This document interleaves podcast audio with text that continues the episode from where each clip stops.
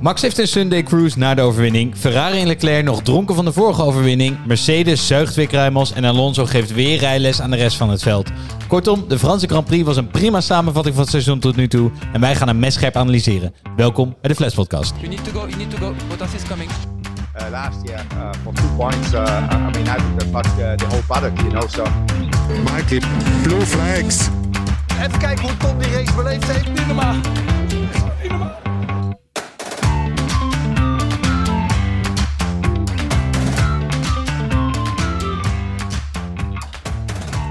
Hallo allemaal, welkom bij de dertiende aflevering alweer van de Flats Podcast. In dit tweede seizoen waarin de meest amateuristische experts van Nederland je bijpraten over de zin. En vooral ook de onzin van de afgelopen Grand Prix. En dat was de Grand Prix van Frankrijk. Hey, vandaag zit ik met het vertrouwde eh, duo hier, de twee P's. Pien, Pien en Peter, welkom. Welkom terug, vooral Pien. Dankjewel. Heb je de Formule 1 een beetje los kunnen laten op vakantie? Ja, ik heb het eigenlijk weinig. eh, nou, dat is niet waar. Ik heb het eigenlijk wel gewoon elke keer gekeken. En nou, dat is op zich wel leuk dat jij Formule 1 leuk genoeg vindt om het in ieder geval te Ja, kijken. zeker. ik heb het geprobeerd los te laten, maar het is niet helemaal gelukt.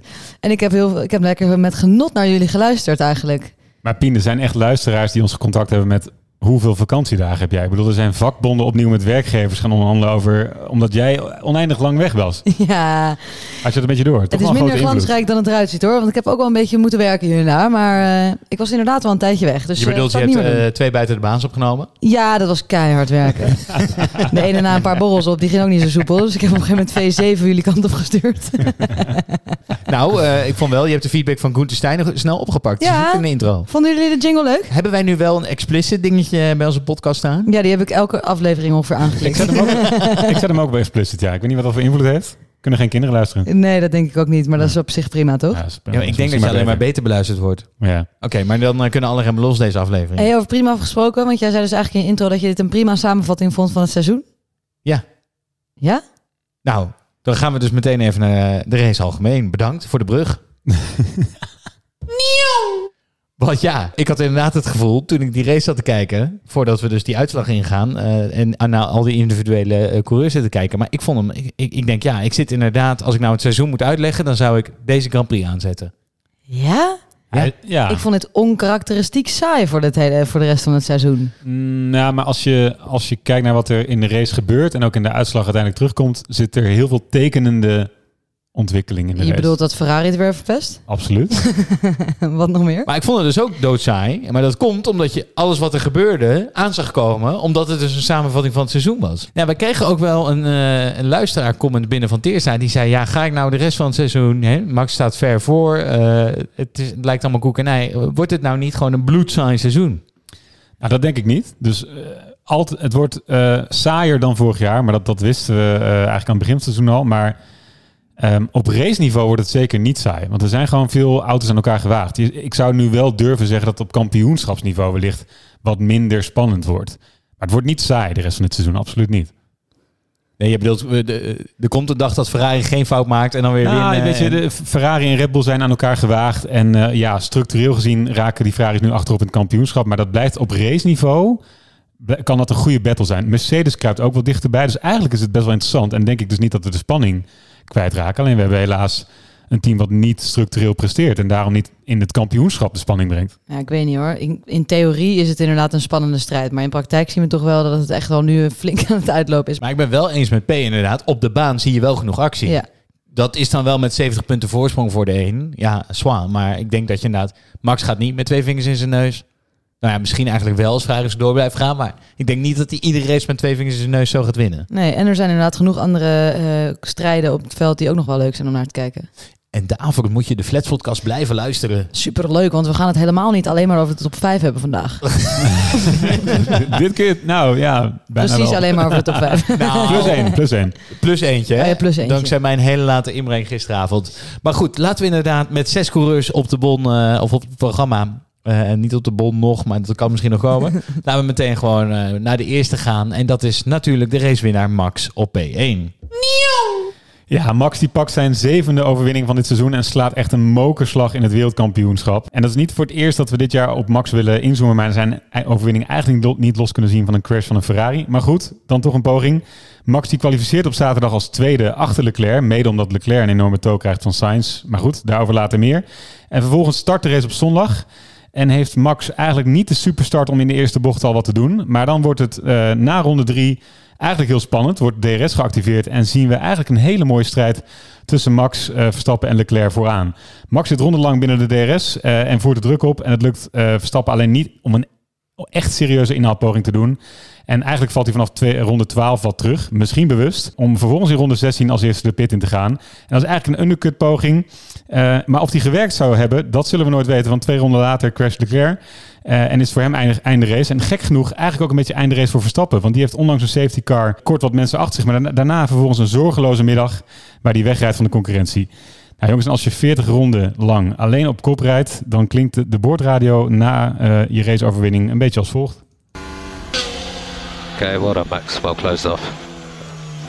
Shame, I think it would have been a good race. Nonetheless, you brought it home. Ah, good points again, Dan. Really good. Good stuff. Eigenlijk hoor je het team zeggen van jammer dat die Leclerc uitvalt. Want het was eigenlijk be- we hadden best wel een vette race kunnen hebben. En dat is eigenlijk ook een beetje de- het verhaal van, van misschien wel gisteren. We hadden eigenlijk we begonnen met een hele vette strijd tussen Leclerc en, eh, en Verstappen. En helaas hebben we niet het spektakel gezien wat het had kunnen worden. Punt. Nee, maar eh, Het is nog wel, het zegt in ieder geval wel hoe comfortabel ze zich voelen dat ze dit zeggen, toch? Red Bull tegen elkaar. Ik bedoel, ze zijn gewoon eigenlijk een beetje zo van, oh nou, ik had wel eigenlijk een beetje leuker, wat spannender ze willen zijn racen. eigenlijk teleurgesteld. Ik vind Ja, het wel dat mooi. ik. Dat, eh, ik vind het ook wel wat hebben. Het is in ieder geval een totaal andere kampioenstrijd dan vorig jaar. Want Max die bleef ook maar vragen hoe het gaat met Charles. En jammer voor Charles dat hij is uitgevallen. En we hadden zo mooi kunnen racen, want we waren snel genoeg. Heeft Max ook nog in een interview daarna gezegd. Ja, Ja, kan het je is, het is natuurlijk inderdaad het comfort van eh 63 punten voorsprong. Maar het is ook wel de... Ja, ik weet niet. Ik geloof ook wel dat dit oprecht eh, Red Bull is. Dat die, dat die dat ook lekker vinden. Zo'n strijd, een eerlijke strijd. Maar het was, het was strategisch denk ik een hele leuke race gebleven. Want die undercut werkte bijna. Of althans, die had waarschijnlijk had Max virtueel voorgelegen. En dus voor Le- Leclerc gekomen. En dan had je denk ik een hele vette race gehad. Dus het is jammer dat dat eh, niet zo is uitgekomen. Weet je wat ik wel het idee kreeg toen hij daarachter zat? Toen dacht ik, volgens mij ben je wel sneller. ehm, maar ben je voorzichtiger geworden met inhalen? Ja. Bij Max. En dat, ze, dat hij toch... En dat, want ik zei het ook weer... Met, ik zat met mijn vader te kijken. En zei ook, ja, die Leclerc onder deze druk gaat wel een fout. Ik wist niet dat hij zo'n grote fout zou maken. Maar je kunt er bijna op wachten dat hij een fout maakt. En ik had een beetje het idee dat Max ook dacht van... Nou, Het binnen een seconde. Ja, het was een beetje berekenend, zo kwam hij over, Ja. hè, Verstappen. Ja. Ook misschien om een beetje om zijn banden toch te sparen. Hè, want je wist niet zeker of het twee stop of één stop eh, ging worden. En op een gegeven moment leek hij inderdaad wat afstand te nemen. Misschien was dat wel bewust. Nou, maar zijn banden waren totaal opgerookt. Dus nou, in ieder geval toen...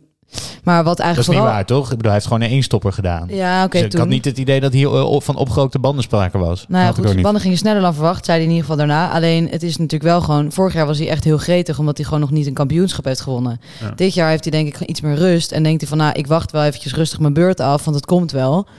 En heeft hij niet meer die gretigheid die hij vorig jaar iets te veel had, denk ik. Ja, nou, hij weet gewoon als hij geen fouten maakt met dit eh, Ferrari-team, dan eh, wordt hij waarschijnlijk kampioen. Ja, Ja, want zij maken hem wel voor je. En Ja. wat een verschil trouwens hè, met twee weken geleden. Helemaal zoek gereden door Leclerc. Ik was al lang blij dat hij, dat hij bijbleef. Ja, klopt. Dus eh, hij was een stuk meer Het is weer helemaal omgedraaid. Qua hè, de tire degradation die ze toen, bandenslijtage die ze toen hadden. Laten we niet veel Engels praten. Ligt dat dan meer aan de baan dat ze ehm, weer meer erbij waren? Of aan de updates die ehm, Red Bull eventueel... Nou, updates hebben ze niet meegenomen, maar aan vooruitgang die zij hebben geboekt. aan, wie, aan wie vraagt de vraag? Ja, geen idee. Laten we maar doorgaan. Ja, die zitten mij te wijzen alsof ik dit weet. Bernard Ja, even je- niet. Ik heb echt Geen geen moeilijke vragen stellen. Nee, geen moeilijke vragen stellen, Pien. Maar jongens, dus 12 van de 22 races gereden. Eh, Max die loopt 25 punten uit. Nu totaal 63 punten voorsprong. Eerder gaf jij al aan eh Peanuts Leclerc eh, dit jaar 40, meer dan 40 punten voorsprong op Verstappen. Dus dat is meer dan 100 punten voor de zomerstop ingelopen. Eh, Heb je dat even uit mijn stukje tekst gehad van ja, een beetje punt? wel. Ja, een beetje wel. Maar dus de vraag is, eh, kijk, ik heb hem al eerder gepoeld. Maar zijn jullie nu zover dat eh, de boerenvlag eh, andersom kunnen? Nee, ja, het wordt wel echt ingewikkeld om hem nu nog in te halen eigenlijk. Want 63 punten is al een eind hoor. Ja, nee, ik ben, ik ben het nu wel met je eens eigenlijk. hij moet dus twee keer DNF'en en dan moet Leclerc winnen. Dan nog. En dan alsnog is hij niet voor. Ja. Ja. Ja, en dat kan allemaal in theorie wel, maar de, eh, de, degene die, niet, die gaat DNF'en is Leclerc. Want of Ferrari maakt die fout, of als Ferrari geen, niet die fout maakt, dan maakt Leclerc hem wel zelf. En hij liep, eh, wat, wat zeiden we aan het begin van het seizoen, 1 op 4. 1, op de 4 races gaat hij in de fout. Ja. Nou, het blijkt 1 op 6 te zijn op dit moment. Imola grote fout en nu een grote fout. De twaalfde race. Ja, maar die frequentie wordt dan weer verhoogd door zijn- door zijn team. Dus ik geloof dat ze samen op 1 op 3 komen. Ja, precies. Ja, precies. Ze lopen 1 op 3. Ik denk dat ze 3 op 3 lopen eigenlijk. het is bijna elke race raak. Het is onvoorstelbaar. Ja, maar goed, we gaan straks nog even naar Sainz. Maar nee, en dus we gaan dus door naar Leclerc zo meteen. Dus dan zal ik jullie ook even alles over Ja, vertellen. zeker. ik ben helemaal met je eens. Als Max gewoon steady, steady en stabiel en eh, berekend blijft rijden, wordt hij, eh, wordt hij hartstikke wereldkampioen. Ik denk dat hij gisteravond lekker biertje heeft gedronken. ja, ik denk dat Voet- ja, voor de voetjes race denk ik omhoog. al. Ja. Even een inkompilsie. Ja. Hey, en dan, eh, ja, we gaan normaal gesproken gaan we natuurlijk netjes de, de uitslagenlijst af. ja, we En- breken met onze wet eigenlijk nu. Ja, eh, eh, we gaan, dat doen we wel eens vaker. Maar ja, we moeten Charles Leclerc, moeten we nu eventjes na Max bespreken, want anders slaat het nergens Ja, op. vind ik ook. Hij is uitgevallen, we weten het, lieve luisteraars. We doen dit expres, maar we gaan nu toch eventjes naar Charles Leclerc. Ja, Leclerc. Ja, wat kan ik erover zeggen? Hè? Leclerc, we hebben al eh, het een en ander benoemd. Maar ik ben eigenlijk een beetje klaar met die wat als discussies. Dus wat als hij niet was gecrashed? Wat als, dan hadden we een mooie strijd gezien. Wat als dit? Wat als dat? Theoretisch allemaal leuk en aardig hoor. Maar in de praktijk is het eigenlijk natuurlijk gewoon wel dat hij gewoon heel veel fouten maakt. En dat Ferrari het gewoon niet goed voor elkaar heeft. Nou, ik wil even beginnen met een stukje audio. Want dan krijgen jullie toch te horen hoe Charles Leclerc en ik alle Ferrari-fans zich voelden na deze race. Are, are you okay?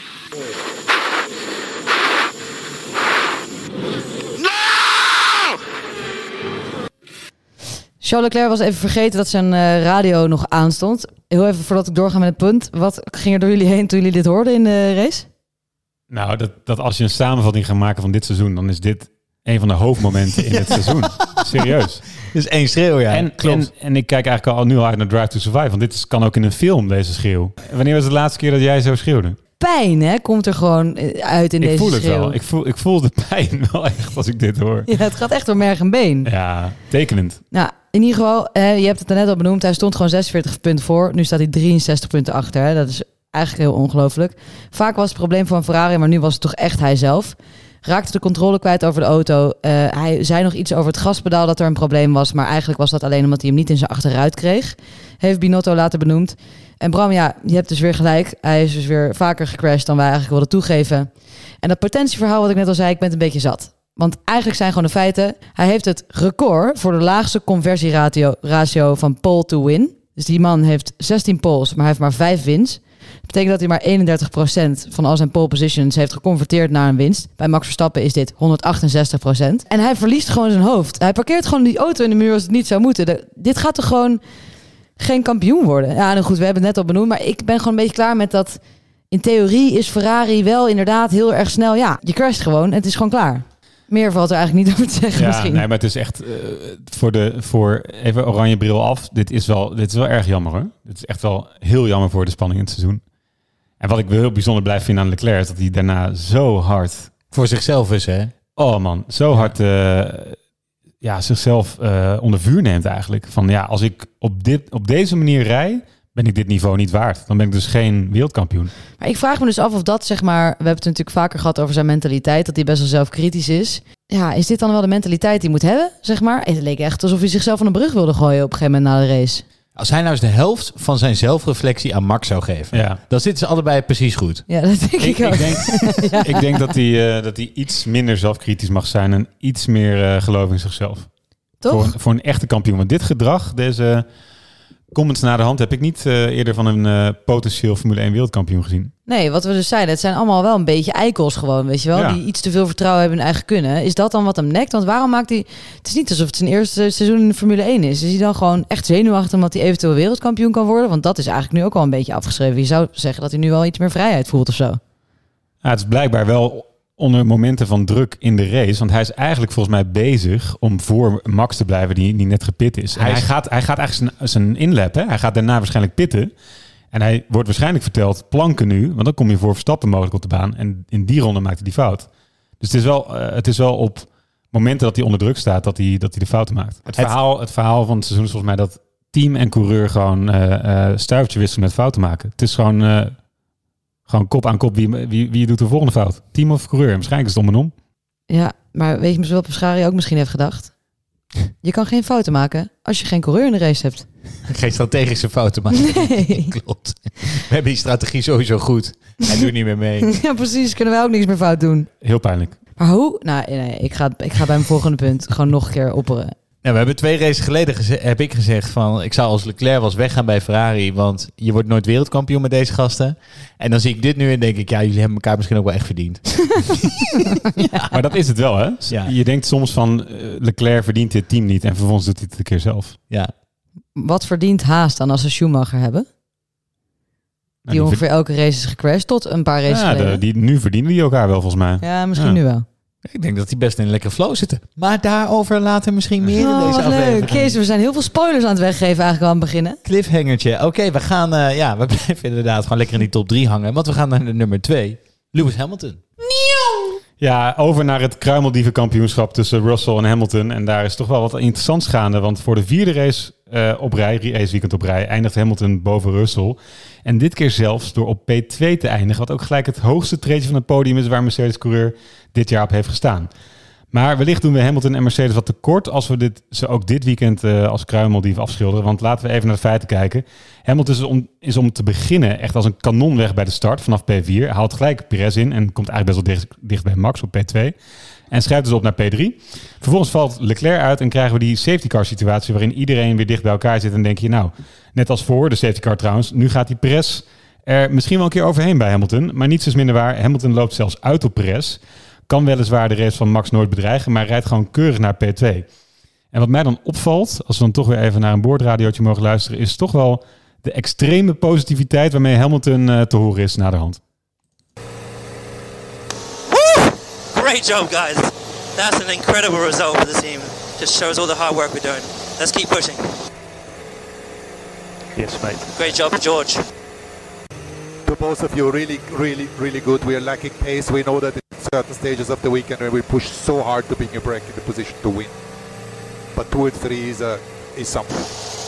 Yeah, it's amazing. It's awesome. Let's keep pushing, Toto. Flat out. Wat zei hij nou? Flat out. Net keep pushing, flat out. Flat out. Dat is ook wel zo'n enge fan blijven. Oh, toch, hè? man. Echt niet Ja. Eh, maar jongens, wat ik, eh, het punt wat ik bij deze audio wil maken is... ik merk dat ik toch wel wat meer respect weer begin te krijgen... voor de manier waarop eh, Lewis de afgelopen weken bezig is. Want we hebben het vorige week volgens mij nog gehad over... dat Russell misschien wel wat verder is... Hè, en dat het volgend jaar echt spannend kan worden tussen die twee. Maar Lewis is oprecht volgens mij blij met deze tweede plek... en lijkt echt te willen knokken voor zijn kansen voor volgend jaar... Ja, dan denk ik, dan heb je toch wel echt heel veel liefde voor de sport... als je na zeven wereldtitels en 100 plus overwinningen... nog steeds zo diep wil gaan. Dus hoe zit dat bij jullie? Eh, misschien niet de allergrootste Hamilton-fans hier aan tafel, maar helpt dit bij eh, zijn imago? Nou, ik- laat ik even terugkomen op iets wat je net zei. Dat we ze tekort doen door ze als kruimeldieven af te schilderen. Nou, kruimeldief is ongeveer de beste term die we dit jaar verzonnen hebben. En die blijft tot eind van het jaar doen. Maar dit... Maar dat was toch ook weer zo? Nou, dit is gewoon nee, maar dit één- een beetje, nee, maar hij is een beetje kruimeldief plus, want hij houdt gewoon Perez in Ja, de Red daar, Bull daar achter heb je gelijk in. Maar ligt het nou aan Hamilton of ligt het aan Perez? Dat ligt ook aan Perez. Is maar echt- hij heeft ook gewoon een goede start. En rijdt, rijdt gewoon wel goed. Ja, hij is zevenvoudig wereldkampioen. Nee, dus helemaal eens. En Tuurlijk. Maar kruimeldief plusje voor mij. Ja, je moet dus ook wel als kruimeldief... plus. Als volwaardig kruimeldief moet je echt klaarstaan als er een kruimel valt. Want je moet snel zijn met die kruimel. Maar het is wel echt natuurlijk wat Ferrari en Red Bull laten vallen. Het is gewoon de een dus, dus een dood, dus de ander zijn brood wel weer. Ja, maar normaal staan die gasten op het podium, Hamilton, als er eh, eh, misschien wel drie, twee, drie van de Ferrari en Red Bulls uitvalt. En dat was nu eh, natuurlijk minder. Ja, goed, je had uh, Sainz die van achter kwam. Sainz die van achter komt, Maar Leclerc die Perez uitvalt. zat er wel gewoon tussen. Ja, maar die En- had toch wel... Daar gaan we het zo nog over hebben. Die had een ongelooflijke klote dag. Ja, Ja. dat ik wel denk, nee, ik vind het wel echt... eh, En, en natuurlijk, je moet er staan. En grote Q dus ook voor de betrouwbaarheid hè, van die Mercedes. Want dat, dat hebben ze in ieder geval wel goed. Hij is langzaam, maar wel betrouwbaar. En daardoor pakken ze al die punten. Ja, en ik bedoel, ik- buiten het feit dat het puntensnibbelaars zijn, misschien vind ik dat wat je zegt is wel waar. Want Hamilton die neemt gewoon alles wat hij kan krijgen qua experimenten, nieuwe probeerseltjes en weet ik het wat allemaal. Om Ja, dat doet hij niet meer dus. Hij heeft gezegd, kap ermee. Echt? Ja. Dus sindsdien heeft hij dat- dat beter gaan doen dan Ik Russell. net zeggen, Oh, ja? dus, dus nogmaals, vier weekenden op rij boven Russell nu. Hè? Het is nu al een beetje Is een dat trend. precies het moment dat hij is gestopt met experimentjes aannemen? Min of meer wel. In rond Canada heeft hij gezegd, ik, eh, ik wil niet meer als proefkonijn gebruikt worden. Want jij had dus gelijk. Ja, toch? Ja, wel. dat hij als proefkonijn gebruikt werd. Oh, hoor ik dat? Ja. Nice. Ja, dat had je goed. je Dat had je gelijk. goed. Ja. Dus ja, en, en mede daarom zijn zijn resultaten waarschijnlijk beter aan het worden. Nou, wist je dat Hamilton dus voor de 300ste keer is gestart in zijn carrière de- deze race? En daar heeft hij dus 187 keer van op het podium gestaan. Ja, dat is netjes. Dat is echt heel... Ja, ik heb statistiekjes opgezocht, jongens. Maar weet jij dan ook dat van iedereen die door die 300 grens heen is gegaan, niemand meer heeft gewonnen na die 300? Ja, dat klopt, ja. Inderdaad. Nee, dat wist ik niet. Dat dus is, eh, eh, ja, wie heb je daarin? Eh, Michael Schumacher onder andere, Kimi Räikkönen, Fernando ja. Alonso. Hebben allemaal niet meer gewonnen nadat ze door die eh, 300 mark zijn gegaan. Dus dat is een vloek die heerst. Dus misschien ah, gaat Hamilton Alonso, wel nooit please. Alonso, please. Nog één keer. Ja, dat zou mooi zijn. meer... Ja, dat vind ik ook wel een beetje zo'n potentie... Nou, trouwens. ja, even de serieus. Ja, potentie van Alpine? ja, echt. Ik word daar ook helemaal ziek ja, van. maar- Nee, dan gaan we niet. Ja, We hebben weer een aflevering vol clichés. Nee, precies. Maar nog even één ding over Hamilton dan. Die heeft dus de hele wedstrijd zonder water gezeten. Oh ja. Ja, dat is Die, echt die is uit die auto gestapt, die is op zijn rug gaan liggen. Die was helemaal kapot. Ja, heb je die cooldown room gezien? Dat was wel heel grappig. Nee, dat heb ik eigenlijk niet gezien. Nou, daar ging je dus op zijn rug liggen. ik heb dit gehoord. Ik heb het gehoord. Ik heb het niet gezien. Ja, goed, leuk. eh, alvast een leuk feitje van buiten de baan. En dat brengt ons ook op de rubriek buiten de baan. Wat een brug, hé. Can you stay out on this condition? Can you stay out?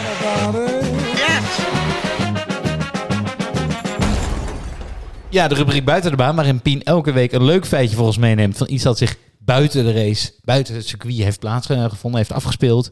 En eh, Pien, wij vragen ons allemaal af, wat heb je deze week volgens mij? Nou, dat zal ik eventjes laten weten. Want het gaat wel over dit circuit. Eh, want we klagen natuurlijk elke keer weer, weer dat... Voor, behalve vorig jaar trouwens. Elk jaar klagen we weer dat de race weer saai was in, eh, in Paul Ricard.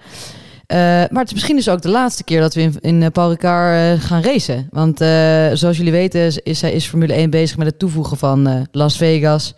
En nog wat andere geldschieters eh, in de, precies, in de Formule 1 kalender. Dus er is geen plek meer voor twee races waarschijnlijk op de kalender. Waaronder dus Frankrijk misschien wordt afgeschaft. En Spa. Eh, dus dat zou wel eigenlijk heel jammer zijn. Ze zijn nu bezig wel met het scouten van een stratencircuit in Nice. Dus ze willen heel graag rond het gebied van Monaco waarschijnlijk wel ergens blijven. Nice.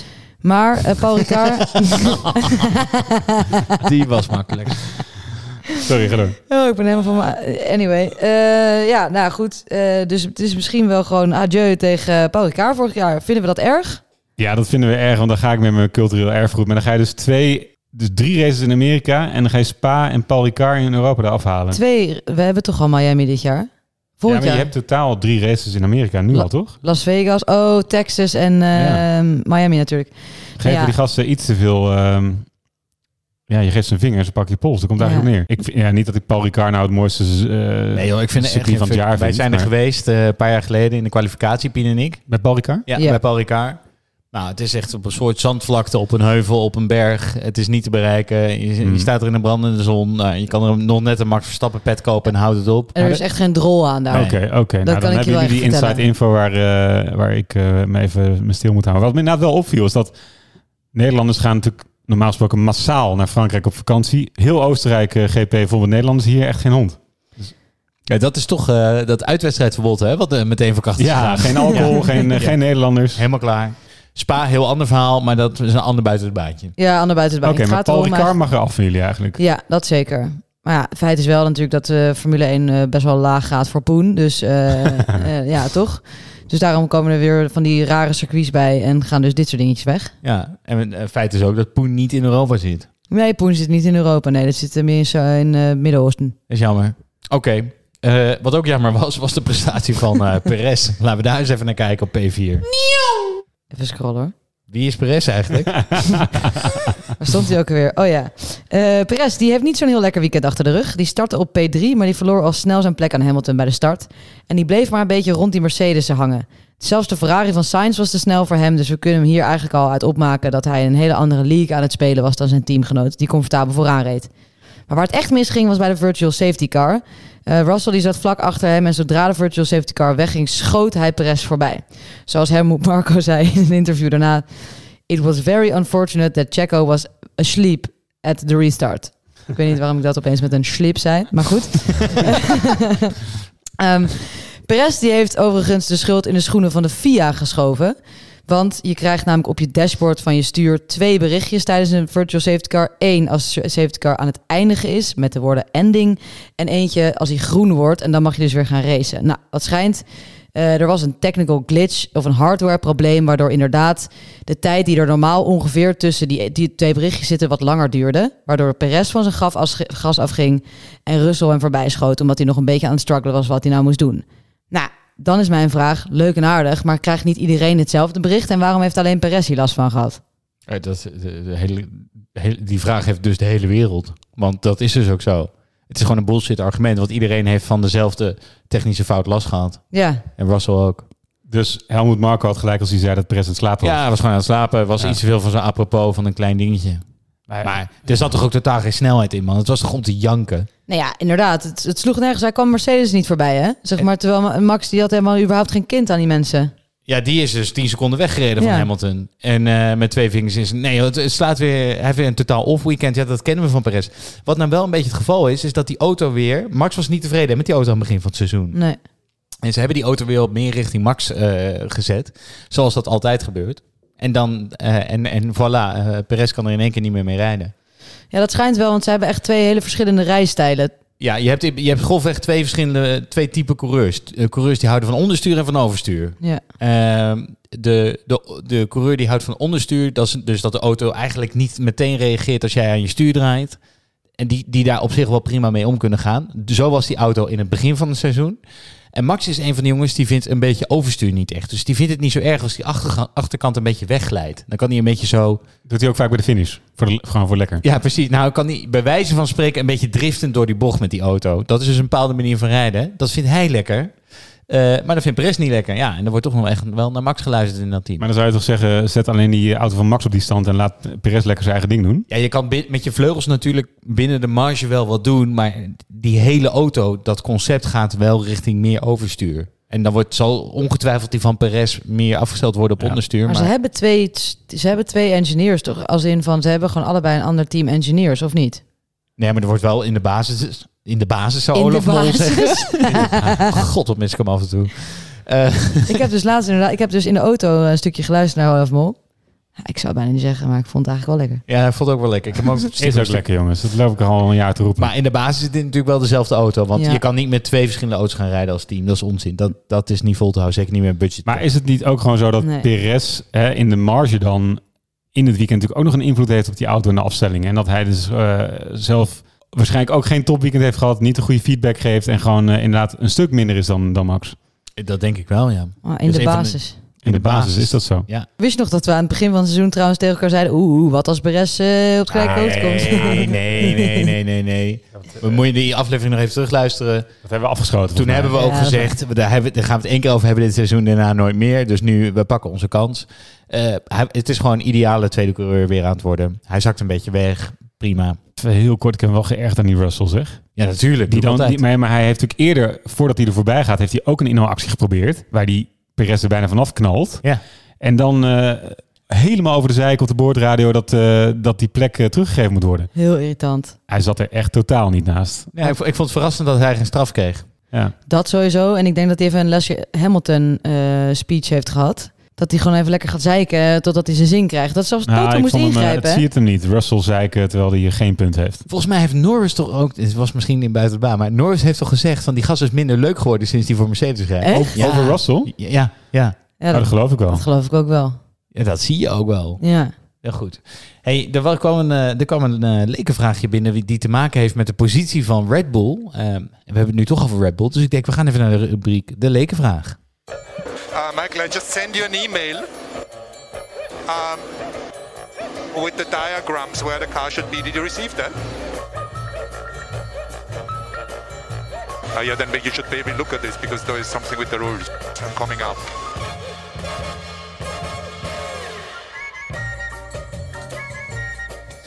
Ja, de lekenvraag van de week waarin Peter elke week weer een vraag van een luisteraar behandelt. En dat gaat over de positie van Red Bull in de, eh, in de pitlane. Dus welke garagebox zij precies hebben. Want vorig jaar was Mercedes de kampioen. en dit jaar trouwens ook, bedenk ik me nu, maar goed. Die stonden in ieder geval helemaal achteraan de pitstraat.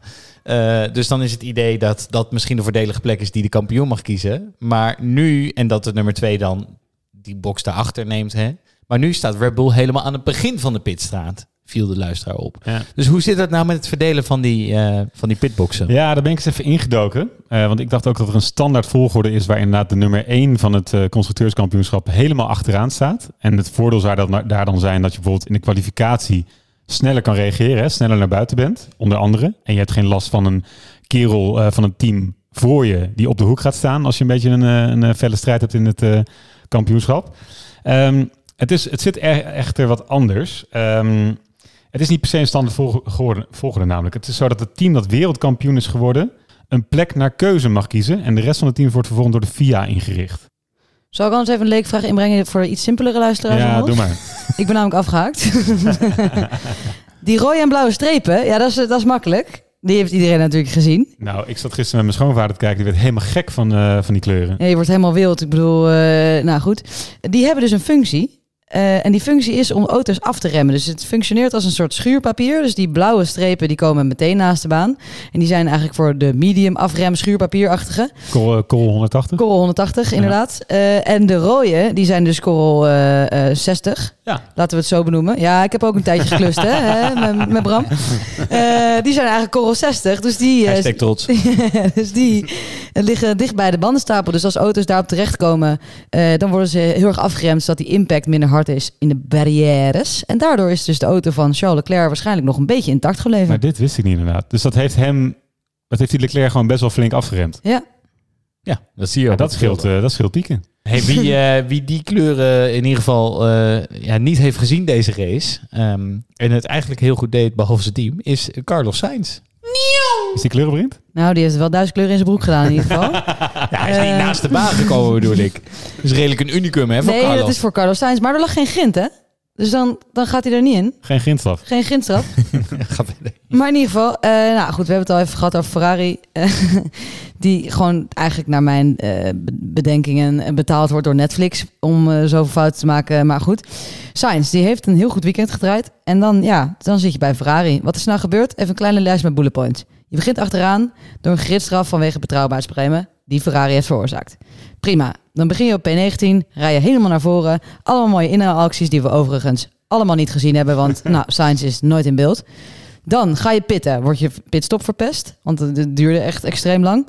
Na die langzame pitstop laten ze hem überhaupt op een tijd gaan, waardoor hij ongeveer in een andere auto rijdt en die krijgt dus een 5 seconden straf. Overigens moet ik ook weer even noteren dat de engineer van Sainz überhaupt niet wist wat een straf betekende. Die zei gewoon iets totaal randoms, waardoor Sainz hem dus moest verbeteren. Ja. Nou, gaat, die, gaat Ferrari strategieteam weer los met extreem verwarrende berichten hier en daar.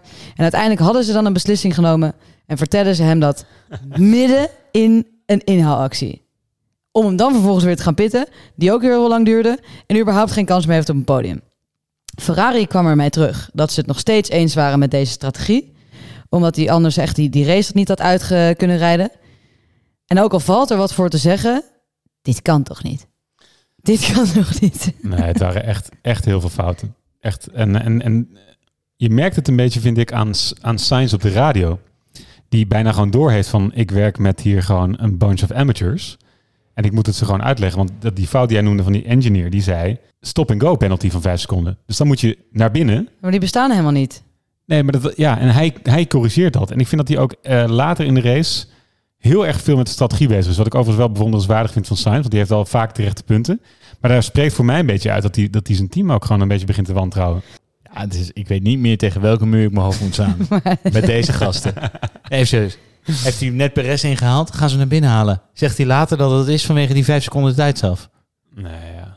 Dan denk je dus, dan ben je dus die, dat strategieteam en dan denk je, nou, we krijgen een vijf seconden tijdstraf. Weet je wat we doen? We halen naar binnen, zodat hij 30 seconden gaat verliezen. Als je dan al een 5 seconden penalty hebt, dan ga je toch al die risico nemen? Of ligt het dan aan mij? Het is toch een niet verliezen mentaliteit en geen winnaarsmentaliteit dat ze hem dus maar uit voorzorg naar binnen hebben gehaald. Want je ziet dat een andere coureur, ik ben even vergeten wie dat is, die heeft hem wel gewoon uitgereden op dezelfde stop. Ja, ze Ja. hebben toch allemaal een één stop gemaakt. Ja, precies. Dus het is gewoon heel bizar dat hij naar binnen wordt gehaald voor, voor een tweede stop. Ja, kom je gewoon te ver terug in het veld. En hij reed trouwens wel in de punten, dus dat ze niet al het risico nemen, dat snap ik op zich wel. Maar dat hij naar binnen wordt gehaald überhaupt is een, eh, is een fout. Ja, maar jongens, wel even, eh, Sainz wel echt een 10 hè, dit weekend. Ja, Ja. Alles goed gedaan. alles goed gedaan. Zeker. Ziek snelle ronde gereden in de Q2. Veel sneller dan de rest. En dan ook Ja. nog even Leclerc geholpen door hem een toe te geven Enorme in Q3. teamspeler. Ja. Hij heeft alles goed gedaan. Hij heeft al eh, inhaalacties, eh, zijn team corrigeren op strategie, alles goed gedaan. Dus ja, als er geen druk op staat bij de jongen, kan het niet wel. Ja, maar hij heeft weer lekker stank voor dank gekregen. Jongens, want we, we blijven maar in die top 5 hangen. Ik wou toch heel eventjes naar buiten die top 5 gaan. Ja. Kevin Magnussen. Want ik zag een Deen, zag ik de Tour de France winnen. Dus ik wil het even over onze Deen hebben in de Formule 1. Eh, want ik vond deze race eh, behoorlijk exemplarisch voor zijn hele seizoen. Hij kwalificeert als tiende. Hij haalt Q3, hè? Dat is weer redelijk uniek in een haas. En dat had niet gehoeven, want hij had ook een motorwissel. Dus hij wist al dat hij als negentiende moest starten. Twintigste zelfs. Eh, dus hij start als twintigste. Weet je waar hij na één ronde stond? Hij ging zeven plaatsen omhoog zo. Echt veel. Twaalfde, ja. De acht Ja, plaatsen. Gewoon paf. Staat hij twaalfde. Heeft hij eigenlijk alles weer goed gemaakt van wat hij als straf gekregen. Nou, top. Eh, hij maakte vroeg stop. Dat werkt niet helemaal lekker met die safety car die erna komt voor Charles. Eh, en heeft hij ook nog eens een keer een aanvaring met Joe en Latifi, waardoor hij uiteindelijk uitvalt. Kortom, behoorlijke rollercoaster. Toen dacht ik, ja, dat is, die, dat al het hele seizoen. Want weet je nog hoe hij zijn seizoen begonnen is, zou je bijna vergeten. Hij heeft gewoon drie weken van tevoren een belletje gehad. Maar ik nog verder teruggaan. Eind vorig seizoen is hij ontslagen door Steiner. Toen kreeg hij eigenlijk twee maanden later een belletje van... eh, ja, eh, die Mazepin is net weg. Kun je niet toch terugkomen? Dus die gast die stond er bij die openingsrace een beetje van... ja, eh, wat doe ik hier eigenlijk? En wauw. Nou, we gaan maar eens kijken wat we ervan bakken. Maar ondertussen... hij, dat, dat pakt dus heel goed uit, want hij staat dus elfde hè, in de stand. Is die elfde? Voor zijn teamgenoot Schumacher, uiteraard zou ik bijna zeggen. Maar ook voor Ricciardo, voor Vettel. En de grap is, Haas heeft nog geen enkele upgrade eh, doorgevoerd. Dat is echt briljant inderdaad. Dat is echt? Ja, die hebben nog niks eh, aan hun auto verbeterd. Want zij hebben gezegd, ja, we, we hebben die budgetcap. We hebben überhaupt natuurlijk niet zoveel geld. We willen eerst die auto begrijpen. En we kunnen beter in een afstelling... kunnen wij zeg maar een goede afstelling van de auto... die we snappen, kunnen we ook tijd vinden. In plaats van een upgrade meenemen die twee tiende oplevert. En ze doen gewoon hartstikke competitief mee, hè? En dat gaat dus dat gaat lekker. Eh, en volgende week, of volgende race in Hongarije, dan komt de eerste upgrade. Daar heb ik zin in. Ze hebben maar echt de capaciteit voor één rijder. Dat is wel weer typisch Haas natuurlijk. maar dat wordt dus wel Magnussen. Want dat is duidelijk wel eerste rijder. Zegt, Ja, die staat voor een stand. Die, eh, die krijgt die upgrade van ons. En nou denk ik jongens, dat doe ik eh, weer een voorspellingje. Ik denk dat Haas de verrassing gaat worden na de winterstop. Zomerstop. Leuk, leuk, leuk. Zomerstop. Ja, sorry. Nou, voor mij zijn ze dat al een beetje. Naast dat de Alfa ook wel goed begon volgens mij eh, dit seizoen. Maar Haas is al een beetje eh, de verrassing van het seizoen. Maar als ze dat nog meer kunnen worden na de zomer. Of sorry, ja, na de zomer. Ik teken ervoor, want ik vind het een hartstikke leuk team. Ik vind het ook wel weer typisch Haas dat het dan even helemaal weer misgaat. En dat ze dan weer volgende race zeggen... we moeten weer precies, denk ik, weer even naar de auto van het begin Nou, van het jaar. Want we begrijpen er geen reet van. Ja, dat zou ook kunnen. Maar wat jij zegt, Bram, klopt. Het is een extreme rollercoaster dit weekend. Wat eigenlijk zegt dat hij misschien nog wel meer punten had, had kunnen pakken. Want het gebeurt wel vaker dat, dat hij eh, op een manier uitvalt. Dus als de consistentie... Nou goed, in, in dit geval waren het aanwaringen, aanrijdingen... waar hij misschien ook wel een beetje op kan letten met zijn rijstijl. Hij had misschien nog wel meer punten kunnen halen. Ja, en dan was hij zelf, hij was dit weekend weer wat kritischer. Maar ja, eh, omdat hij zei over één ronde waren we snel, maar hele race weet ik het niet. Ja. Maar eh, twee weken geleden natuurlijk met zijn twee in de punten gereden daar in Oostenrijk. Met die eh, Mer- Mercedes in gevecht. Ja, het, het loopt gewoon als een trein daar. Zonder upgrade. Ja, ik vind het, ik heb wel echt, ja, ik vind het Haas natuurlijk gewoon echt een heel sympathiek team. Het is toch, het is toch geinig hoe ze dit dan weer doen. Ja, door Ook maar ruimte ja. voor één coureur om upgrades te brengen. Dat is dan weer zo armoe. Maar en, ja, en dat is een gast die zeg maar drie weken daarvoor of drie weken voor de start van het seizoen uit de mottenballen is getrokken. En Ja. daar heb je hem zelf ingegooid omdat je hem ontslagen hebt. Zeg maar, ja, het, is, het blijft briljant. Alle lof voor eh Gunther Steiner, hè? Alle lof. Ja. En eh, wie ook heel veel lof krijgt, en eh, daarmee gaan we de terugblik op deze de race gaan we afsluiten, is onze eigen dichter Luc in de rubriek Dichterop.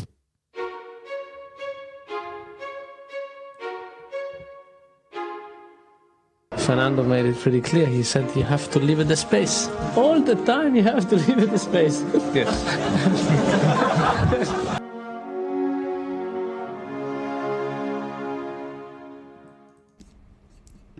Paul Ricard gaat dit weekend veel weg van een kinderfeestje. Waar ze voorafgaand aan het karten samen mochten kleuren. Doe maar blauw lijntje zetten. Doe maar rood streepje kleuren. Wat een feest moet het daar zijn geweest. Maar une belle histoire was het vervolgens alles behalve daar. De Franse roman was namelijk voor Ferrari al snel klaar en het werd meer een komedie. Want ondanks een miljoen lijnen in alle tinten en maten presteren ze toch weer om naar buiten te kleuren. En zo zien we de punten voor Ferrari weer verdwijnen. Sluit maar aan bij de file op de route Soleil voor een rondje langs de camping. Misschien kunnen ze me daar wel laten staan. Prutsers. En nu? Gaat er nog iemand opstaan of moet ik mijn visie weer aanpassen? Blik wegruimen, blik verruimen van voor naar achter om wat serieuze spanning te spotten. En als je goed kijkt, kun je het zien. In de verte komt uit Duitsland een zilveren wagen in aardig tempo opdagen. Geüpdate met de juiste instelling komen ze dit weekend heel even langs zij. Maar de hamvraag is, houden ze het bij? Of beter nog, houdt iemand Max bij? Hey, over twee weken. Dat is de laatste race voor de zomerstop. Grand Prix van Hongarije. Wat kunnen we in deze vooruitblik even meegeven aan onze luisteraars? Nou, vorig jaar was het eh Bolen met eh, Bottas. Die eh, reed toen in ronde 1, tikte die Norris aan, die vervolgens twee Red Bulls raakte, waaronder Max zwaar gavend. Ook Perez viel toen uit. En dat was in die regenrace, waar daarna ook iets bizars gebeurde, namelijk iedereen naar binnen en Hamilton die daar alleen bij die herstart staat. Ja. Bizarre race, Oh, ja. die vervolgens achteraan moet komen, van achteruit naar voren klimt. Waar Alonso hem tegenhoudt, zodat Ocon uiteindelijk die race wint. Dat is die race. En dat is dus Hongarije vorig jaar. Nou, wat moet je verder weten? Hongarije wordt gek genoeg een beetje het Monaco zonder muren genoemd. Waarom? Het is een best wel enerverend dynamisch circuit waar je net zoals in Monaco eigenlijk niet kunt nadenken. Dus een coureur bijvoorbeeld in Baku op een lang rechtstuk heeft tijd om na te denken, wat blijkbaar niet eens zo heel ideaal is, want je wil niet veel nadenken in een eh, Formule 1 wagen, maar hier heb je dat bijna niet. En eh, daarnaast, eh, het is een beetje toch wel het circuit van Hamilton. Die heeft daar eh, veel gewonnen en kijkt er ook naar uit. Wellicht moeten we ook een beetje op Mercedes gaan letten komend weekend. Want Max heeft hier nog nooit gewonnen, toch? Zou ik heel eerlijk zeggen dat ik dat niet weet? Eh, Ik kijk eigenlijk nu op de Wikipedia-pagina. Heeft hier nog nooit gewonnen. Ja, nee, en het is dus een klein Mickey Mouse baantje. Zo wordt hij ook genoemd. Ja. En dat is wel, wat hebben we dan? Monaco zonder muren. Dus dan, eh, daar ging eh, Red Bull natuurlijk lekker in Monaco. Denk ik dan, hè? Dus ik denk even simpel na. Ja. Zou Red Bull dan hier ook weer lekker gaan? In de basis eh, zou Ik- dat wel kunnen, ja. Maar eh, Oostenrijk was ook een, zo een klein Mickey Mouse baantje met een hoop bochten, weinig nadenken. En daar ging Red Bull niet zo lekker. Nee, precies. En het heeft volgens mij wat minder eh, lange rechte stukken voor de topsnelheid. Waar Red Bull, eh, zoals je ook gisteren zag, echt wel eh, afstand kan nemen. Dus als, er, als het veel bochten zijn, heeft misschien de downforce eh, auto van Ferrari daar weer wat voordelen. Het is wel een eh, circuit van heel moeilijk inhalen. Ja, dat is wel jammer. Dat is jammer, maar... eh, Strategie. Ja, ja, op strategie dus. Ja, daar gaan we weer. Oh, jongens. Ik denk dat die Ferrari-strategie... Dat team ligt nu al zweetpeentjes, het ligt met nachtmerries in bed. Zullen ze niet in plaats van met één stratege nu met z'n drieën achter één computer gaan zitten? Dat ze gewoon meer mensen erop en dan nog meer chaos. nog meer Italianen achter die computers. Oh goed, we houden het in de gaten. Hey, bedankt voor deze vooruitblik. We gaan het meemaken. Pees, jij bent volgens mij al op vakantie volgende week. Praktisch, nu al. Wees je gegund. Ja, dank je. En als iemand nog een kaartje over heeft voor Zandvoort. Ik, eh, ik heb nog steeds geen kaartje weten te regelen voor de Grand Prix van Zandvoort. Dan zou je toch denken, een podcast over Formule 1. Ja, toch een keer wat zinnigs gaan zeggen, Pien. Ja, denk misschien ik. ook wel, ja. Misschien Ja, is dat gaat nog goed komen, Pien. Volgende week ga ik echt mijn best doen. Top. Hey, we gaan afsluiten. Eh, want we zijn aan het einde van de aflevering. Volgende week hebben we weer eh, dus, eh, een ander setje aan tafel. Heel veel dank voor het luisteren. Volg ons op Instagram via Flespodcast Aveen. Laat vooral ook een review achter voor deze podcast in jouw favoriete podcast app. En we zien jullie over twee weken. Hoi. Hoi.